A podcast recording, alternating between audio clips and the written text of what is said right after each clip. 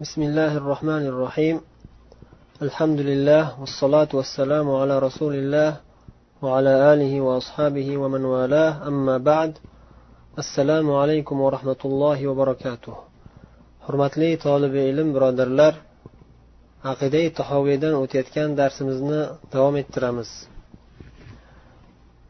bugun inshaalloh imom abu jafar at tahoviyning quyidagi so'zlariga izoh berib o'tamiz. قال رحمه الله وفي دعاء الأحياء وصدقاتهم منفعة للأموات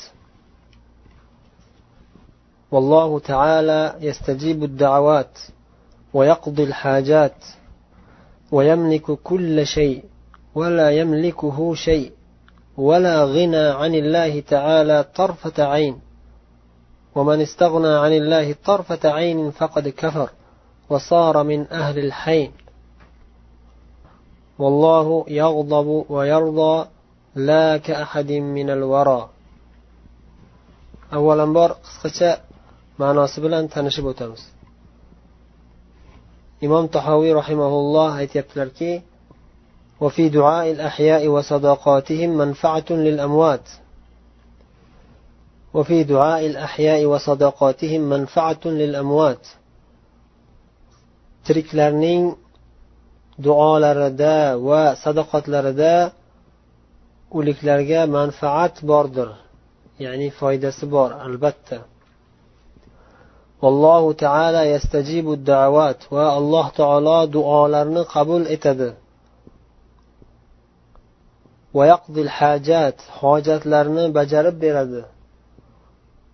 Ya'ni hojatmand insonlarning hojatmand bandalarning hojatlarini olloh bajaradi. Olloh amalga oshiradi. Alloh azza va jalla barcha narsalarning egasidir. Moliki egallab turuvchisi bo'lgan zotdir. Alloh taoloni esa hech narsa egallay olmaydi.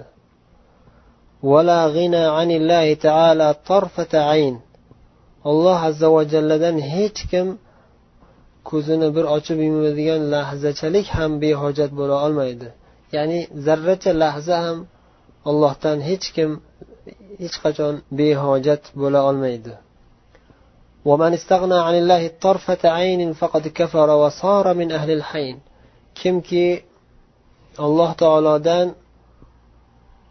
bir ko'z ochib yumilguncha bo'lgan lahza miqdorida bo'lsa ham men behojatman deb davo qilsa kimki man behojatman alloh taologa ehtiyojim yo'q desa yoki shunday gumonga ketsa darhaqiqat u kofir bo'ladi.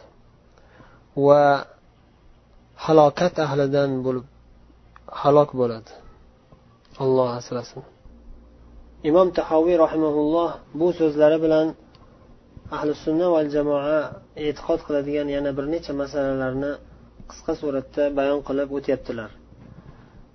Birinchi masala tiriklarning o'liklarga foydalari qaysi jihatdan tegib turishi. Ya'ni tiriklar o'lib ketganlarga ya'ni o'lib ketgan ota bobolarimizga biz qanday foyda bera olamiz? Shulardan ba'zilarini zikr qildilar. U ham bo'lsa duo ya'ni biz ularning haqqilariga duo qilsak o'tib ketgan musulmonlarning haqqilariga duo qilsak albatta inshaalloh bu duolarimizdan ular foydalanishadi. Ularga manfaat bo'ladi. Ya'ni misol uchun ularni alloh taolo o'z mag'firatiga olib jannatiga dohil qilgisini qilishini so'rasak alloh azza va jalla inshaalloh duolarimizni qabul qilib ularning gunohlarini kechirib jannatiylardan qilsa ajab emas. Va sadaqotihim va tiriklarning sadaqalaridan o'liklar foydalanishadi deganliklari ya'ni biz o'tib ketgan musulmonlarning nomlaridan o'tib ketgan ajdodlarimizning nomlaridan sadaqa qilsak ana shu sadaqalarimizni savobidan ularga albatta yetib turadi. Albatta ularning darajalari savoblari ko'payib oshib boradi. Bunda shak shubhamiz yo'q. Faqat ixlos bo'lishi kerak. Xolis olloh uchun bo'lishi kerak va sunnatga rasululloh sollallohu alayhi vasallamning sunnatlariga muvofiq tarzda bo'lishi kerak. Ana shunda biz ularning haqlariga qilgan duolarimiz ijobat bo'lib va ularning nomlaridan chiqarayotgan sadaqalarimiz qobil bo'lib ularning darajalari oshib jannatda buyuk maqomlarga ko'tarilishlariga biz ham oz bo'lsada sababchi bo'lgan bo'lamiz inshaalloh. Imom buxoriy rahimaulloh rivoyat qilgan sahih hadisda sad ibn uboda roziyallohu anhu rasululloh sollallohu alayhi vasallamning oldilariga kelib aytadilarki ey rasululloh mening onam men yo'qligimda vafot qilib qoldilar. Men onamning nomlaridan sadaqa qilsam ularga manfaat bo'ladimi? Foydasi tegadimi? deb so'radilar. Shunda rasululloh sollallohu alayhi vasallam ha dedilar.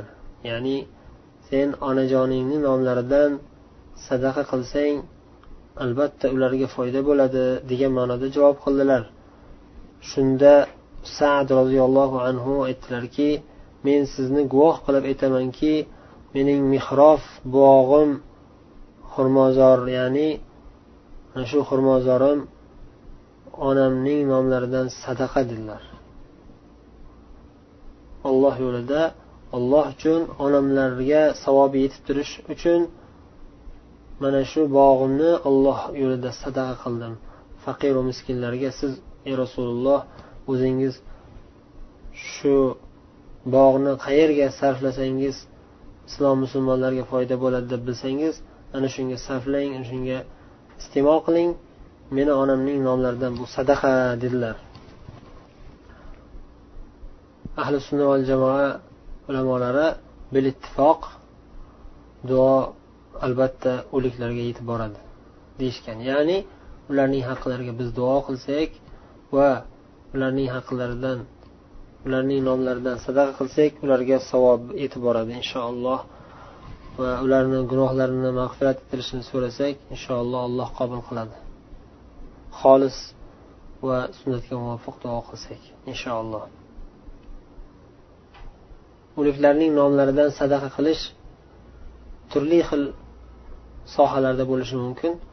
Misol uchun faqiru miskinlarga taom berib ularni qornini to'yg'azib yoki kiyimlari yo'q bo'lsa kiyimlarini olib berib ularni kiyintirib ularga xayr ehson qilishi mumkin. O'liklar nomidan ota boboning ota bobolarimizning nomlaridan sadaqa qilsak mana shunday uslubda mana shunday sohada albatta inshaalloh yaxshi bo'ladi bu ham.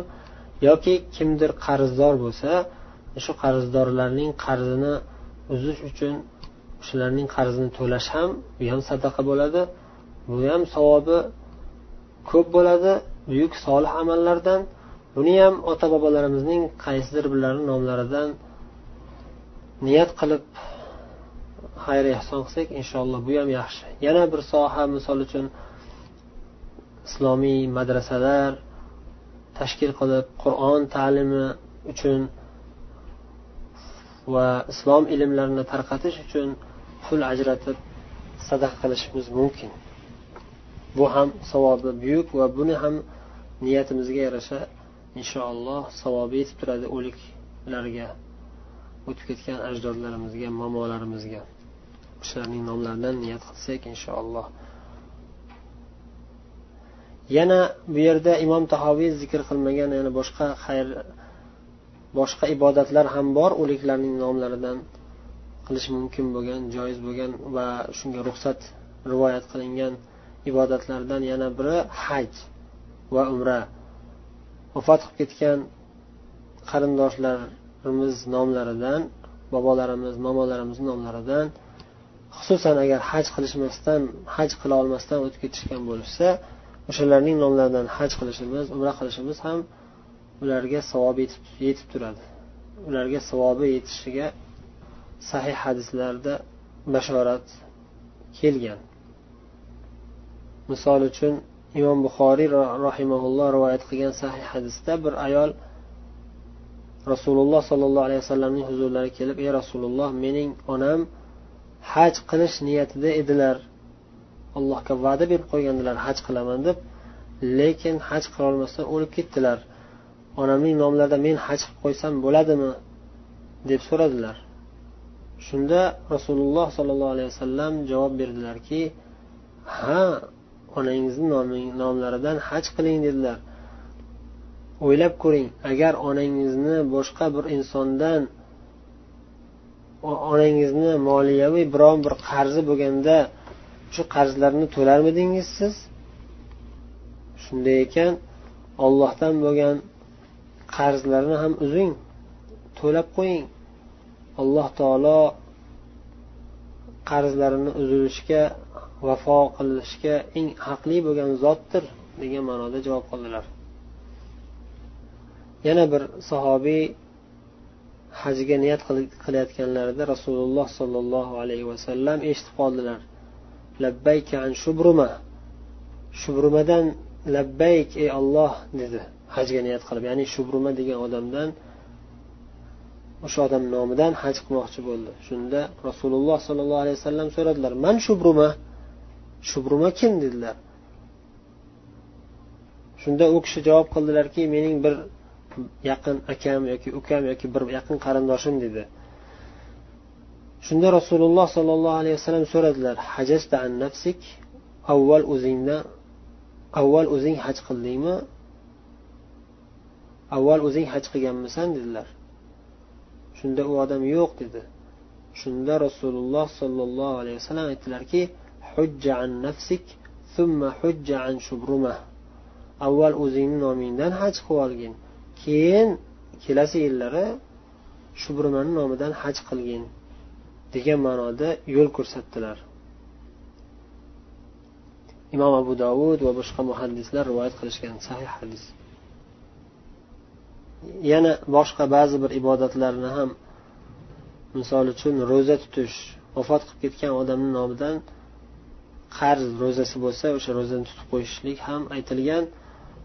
Va yana vafot qilib ketgan musulmon bobolarimiz momolarimizni nomlaridan qur'on tilovat qilish zikr qilishni ham ba'zi ulamolar zikr qilishgan. Ro'za tutib qo'yishlik sahih muttafaqun alayh hadisda sobit bo'lgan rasululloh sollallohu alayhi vasallam aytganlarki man mata va alayhi siyam soma anhu valiyuh kimki qarz ro'zasi bo'lib turgan holda vafot qilib ketgan bo'lsa uning valisi uning nomidan ro'za tutib qo'ysin degan ma'noda aytganlar. Bu masalani imom ibn abil iz rahimaulloh aqida tahoviyan sharhida batafsilroq bayon qilganlar.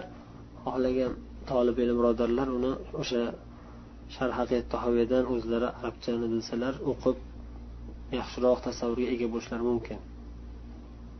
Keyin aytdilarki imom tahoviy rahimaulloh alloh taolo duolarni qabul qiladi hojatlarni bajaradi dedilar. Hojatlarni bajarishlik duolarni qabul qilishligidan bir samara. Alloh taolo duo qiluvchilarning duosini qabul qiladi va duo qiluvchilarning ichida hojatmandlar bo'ladi o'zini hojatlarini bajarilishini so'rab duo qilishadi. Alloh o'shalarning hojatini bajaradi.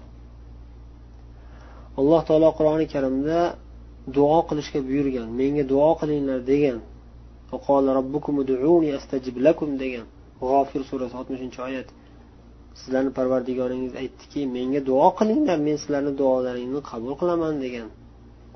Yana naml surasida oltmish ikkinchi oyatda alloh taolo marhamat qiladiki zaruratga tushib muztar bo'lib qolgan odam duo qilib allohga iltijo qilganda uning duosini qabul qilib uning boshiga tushgan yomonliklarni ketkazadigan kim bor ollohdan boshqa degan ma'noda alloh taolo xabar bergan.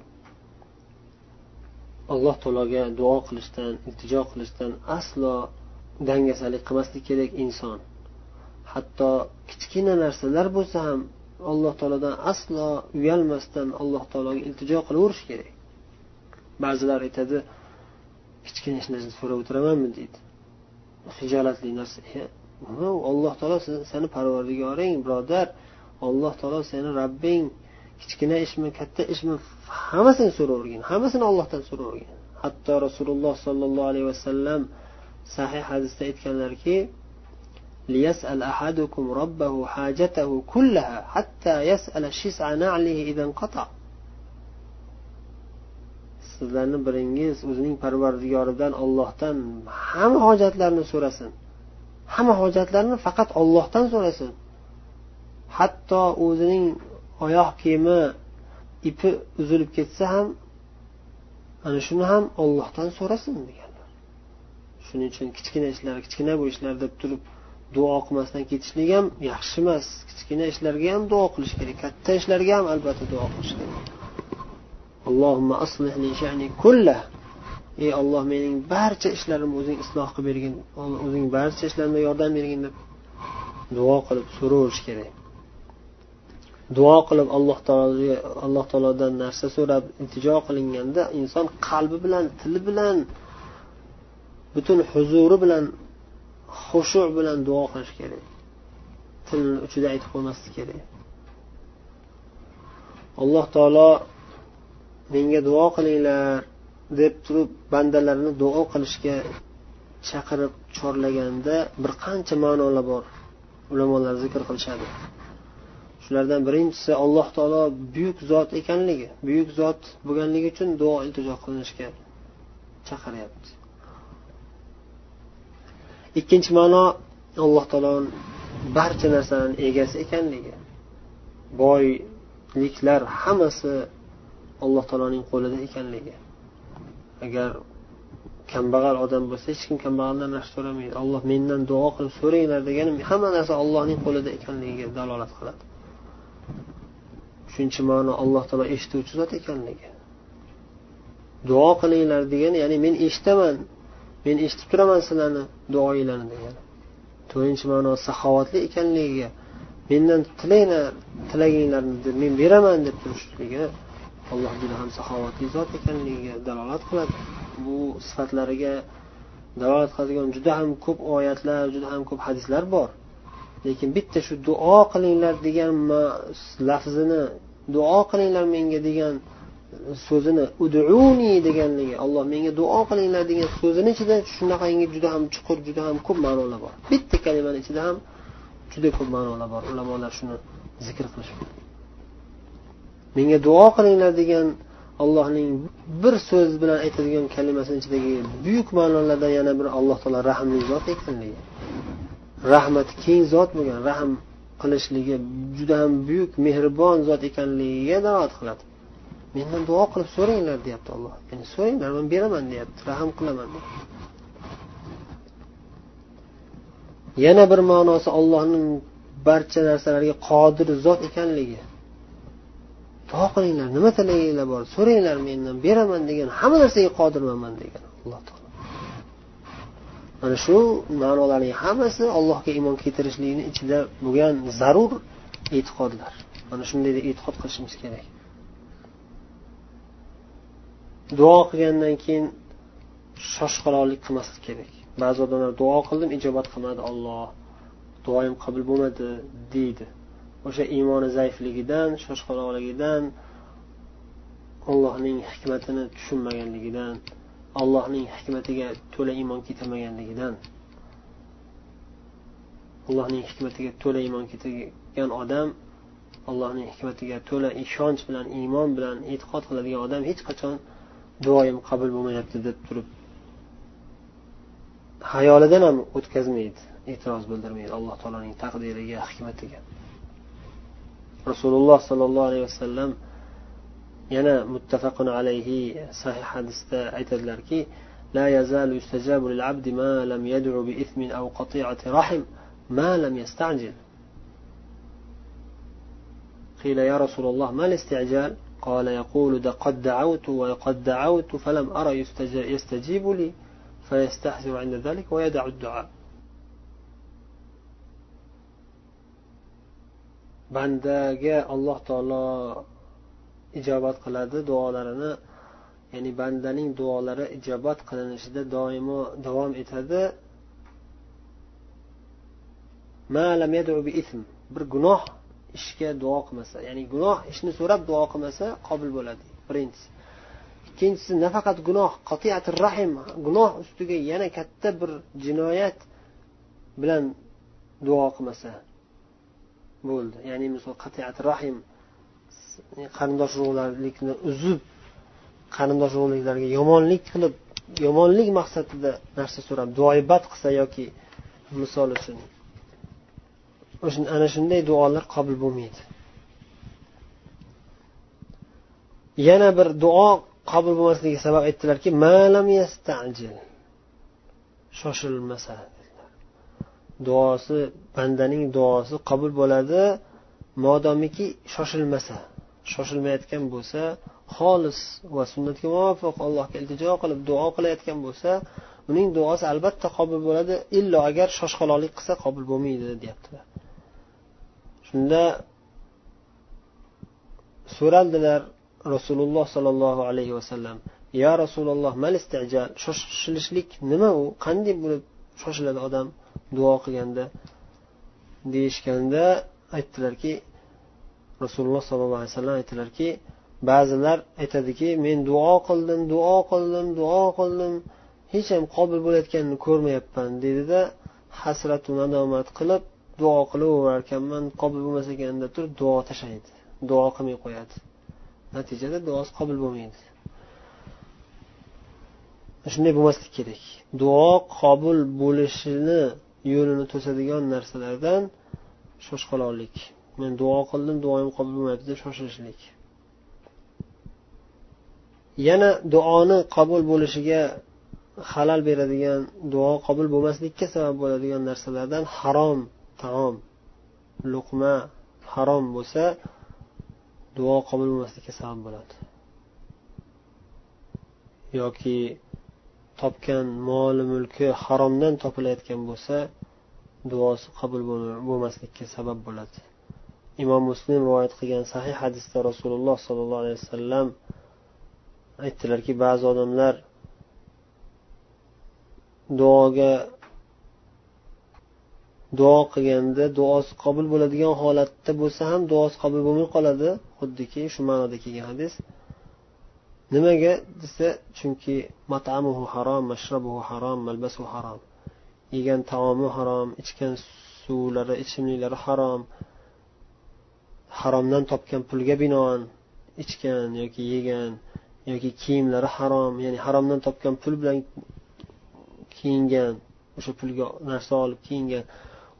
Bil harom butun jasadi harom bilan ozuqalangan bunday holatda bunday odamga qanday qilib duosi qabul bo'lsin? Hattoki u musofir holatida uzoq safarlarda chang to'zonlarga belanib qo'llarini osmonga cho'zib allohga yolvorib duo qilsa ham qabul bo'lmay qoladi duosi degan ma'noda aytganlar. Xudo saqlasin olloh asrasin. Haromdan ehtiyot bo'lish kerak. Uzoq bo'lish kerak. Yana duoni qabul bo'lmasligiga sabab yuqorida shunga shu ma'noga ham ishora qilib o'tildi. Ya'ni tajovuzkorlik bilan duo qilish ya'ni. Birovlarni haqqini so'rab birovlarga duoibat qilishlik yoki bo'lmasam yana haddan oshishlik duo qilganda haddan oshishlik ham duoni qabul bo'lmasligiga sabab bo'ladi. Ajoyib qiziq qissalardan birida imom ahmad musnatda abu dovud sunanlarida imom hokim imom ibn hibbon ham rivoyat qilgan hadisda abdulloh ibn mug'affar roziyallohu anhuning o'g'illari duo qilayotganini eshitib qoldilar nima deb duo qilayotgan ekan اللهم إني أسألك القصر الأبيض عن يمين الجنة إذا دخلتها جنة kirganimda o'ng tarafda oppoq qasrni so'rayman ey olloh men sendan deb duo qilgan ekan shunda abdulloh ibn mug'affar roziyallohu anhu aytgan ekan ey bolaginam ollohdan jannatni so'rab do'zaxdan panoh so'rab duo qilgin bo'ldi فإني سمعت رسول الله صلى الله عليه وسلم يقول إنه سيكون في هذه الأمة قوم يعتدون في الطهور والدعاء chunki men rasululloh sollallohu alayhi vasallamdan shunday deyayotganlarini eshitdimki u zot aytdilar bu mana shu ummatda ya'ni islom ummatida shunday odamlar keladi hali ya'ni qiyomat alomatlaridan desa ham bo'ladi ki tahorat qilishda poklanishda tahorat g'usul qilishda ya'ni va duo va duo qilishda yatadun haddan oshib ketadilar. Tahoratda g'usulda ba'zi bir najosat bo'lmagan narsalarni najosat deb e'tibor qilib tozalanaman deb haddan oshib tozalashda haddan oshib ketish isrof qilib yuborish va duoda itlo qilish haddan oshish deb aytgan ekanlar rasululloh sollallohu alayhi vasallam. Ya'ni o'g'illari allohga duo qilib aytyaptiki ey xudo menga shu jannatga kirganimda o'ng tarafdagi qasr o'ng tarafda bo'lsin oppoq qasr bo'lsin deb duo qilyapti. Allohga tafsilotlarni aytib haddan oshib ketib duo qilyapti. Bunday bo'lmaydi. Odobsizlik haddoshlikka kirib qoladi. Duo qilishdan hech qachon tolimaslik kerak malollanmaslik kerak charchamaslik kerak umidsiz bo'lmaslik kerak aslo. Duo qilgan odam hech qachon foydasiz manfaatsiz savob ajrlarsiz qolmaydi. Albatta albatta unga baribir foyda bo'ladi. Shuning uchun aslo zerikmasdan duo qilaverish kerak. Sahih hadisda rasululloh sollallohu alayhi vasallam aytdilarki qaysiki bir musulmon bir duo qilsa va u duosida hech qanday bir gunoh ish so'ralmasa hech qanday bir qarindosh urug'lariga ozor beriladigan bir duo bo'lmasa ana shu duosiga alloh taolo uchta narsadan birini beradi. Albatta hech bo'lmadi deganda uchta narsadan birini beradi.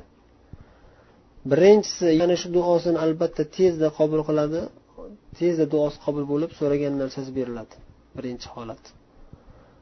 Yoki alloh taolo unga oxiratda saqlab qo'yadi bu duosini ijobatini. Oxiratda buyuk ajrlar buyuk savoblar qilib saqlab qo'yadi. Yoki mana shu duosi tufayli unga duo qilganligi uchun unga yomon balo kelmay qoladi to'siladi yomon keladi balo kelishi mumkin bo'lganda olloh uni to'sadi ya'ni. Shunda ba'zi bir sahobiylar aytishdiki bunday ekan mm, ko'p duo qilamiz endi. Ya'ni duo qilsak doimo albatta qandaydir bir foyda bo'lar ekan mana shu uchta foydadan albatta bittasi bo'lar ekan. Demak ko'pdan ko'p duo qilamiz deganda allohu aktaru. Rasululloh alayhi aytdilarki alloh aktar olloh yanayam ko'proq beradi dedilar. Qancha ko'p so'rasa shuncha beraveradi alloh taoloni xazinasi cheksiz beraveradi alloh taolo. Har qancha bersa ham xazinasi aslo kamaymaydi. Keyin aytdilarki hamma narsalarni egasidir alloh taolo. Alloh taolo qur'oni karimda aytgandek mulk. Mulk moliki egasi bo'lgan ey ollohim deb duo qilgin dedi alloh taolo. Butun koinot hammasi ollohni qo'lida ollohning mulki tabarakallazi biyadihi mulk va huva ala kulli shayin qodir dedi alloh taolo mulk surasini birinchi oyatda mulk egalik uning qo'lida bo'lgan zot naqadar ham barakotli zot xayr ehsonli zot buyuk zot. Hamma narsaga qodir bo'lgan zot. Allohning buyuk ismlaridan biri go'zal ismlaridan biri al malik podshoh. Barcha mulk egasi bo'lgan zot. Barcha insonlarni bandalarni podshoh bo'lgan zot. Alloh taoloni esa hech narsa egallolmaydi degani ya'ni alloh taolo egallaydi bu narsalarni. Allohni quli boshqa narsalar hammasi.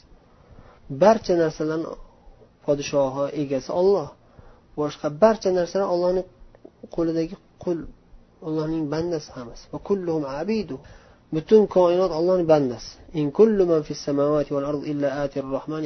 Maryam surasi to'qson uchinchi oyatda alloh taolo aytadiki osmonlar va yerdagi barcha narsalar rahmon taologa banda bo'lib keladi. Bandasi ollohni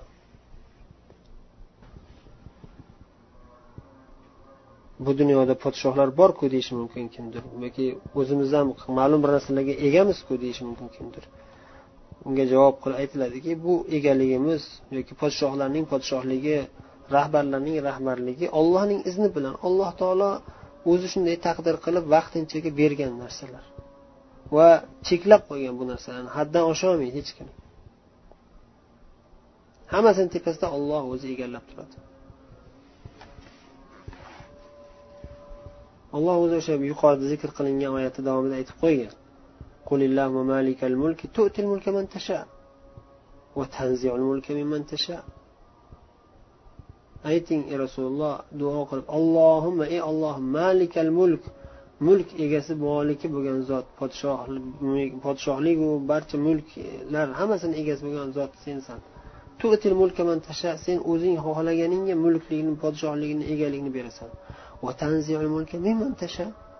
va sen ey olloh mulkni podshohlikni xohlagan bandangdan o'zing sug'urib olib qo'yasan dedi. Shunday duo qilishni o'rgatdi alloh taolo. Oli imron surasini yigirma oltinchi oyatida. Keyin imom tahoviy aytdilarki bir ko'z ochib yumilguncha ketadigan lahza ya'ni bir lahza ham hech kim alloh taolodan behojat bo'lolmaydi. Hech kim.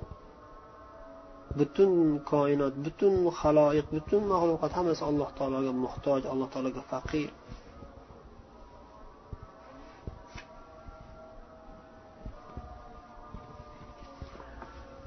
Kimki alloh taolodan behojatman desa zarracha bir lahza ham. Ya'ni masalan bugun man hech kimga ehtiyojim tushmaydi allohga ham ehtiyojim tushmaydi desa misol uchun billah darhaqiqat u kofir. Va darhaqiqat u halok bo'ladi. Agar tavba qilib qolmasa.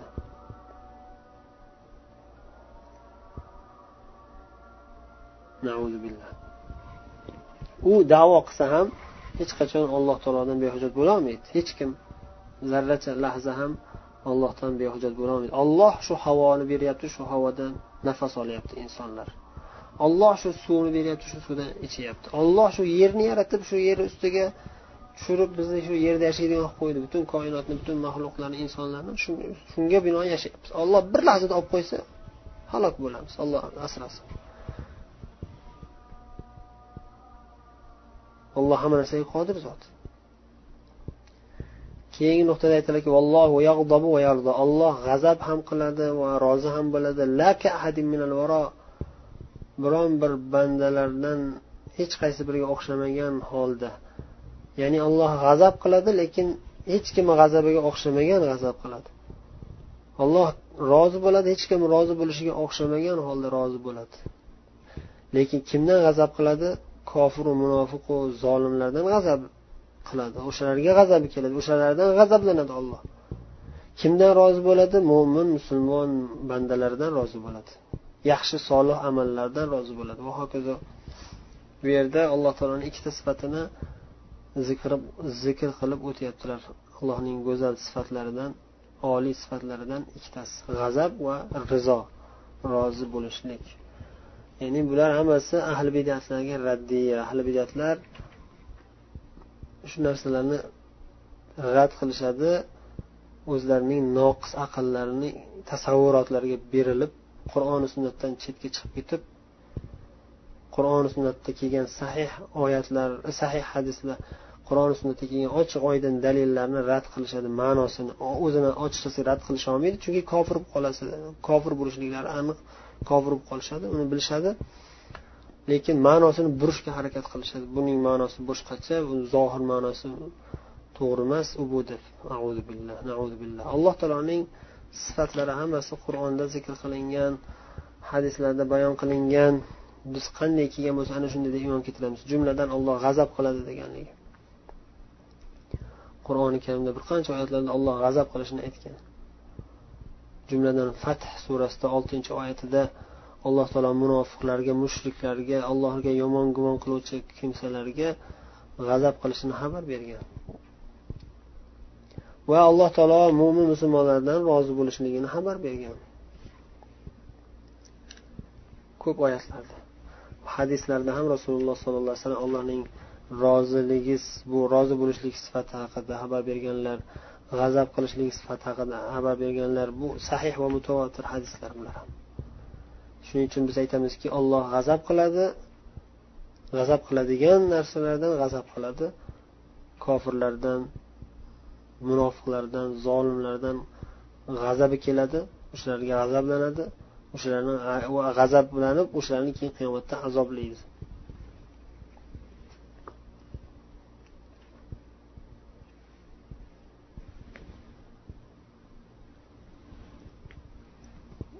va hokazo allohning barcha sifatlari qur'oni sunnatda qanday kelgan bo'lsa ana shunday deb iymon keltiramiz. Bugun shu bilan kifoyalanamiz. Allohu alam va sallallohu vasallam va baraka ala nabiyina muhammad. وعلى آله وصحبه أجمعين. والسلام عليكم ورحمة الله وبركاته.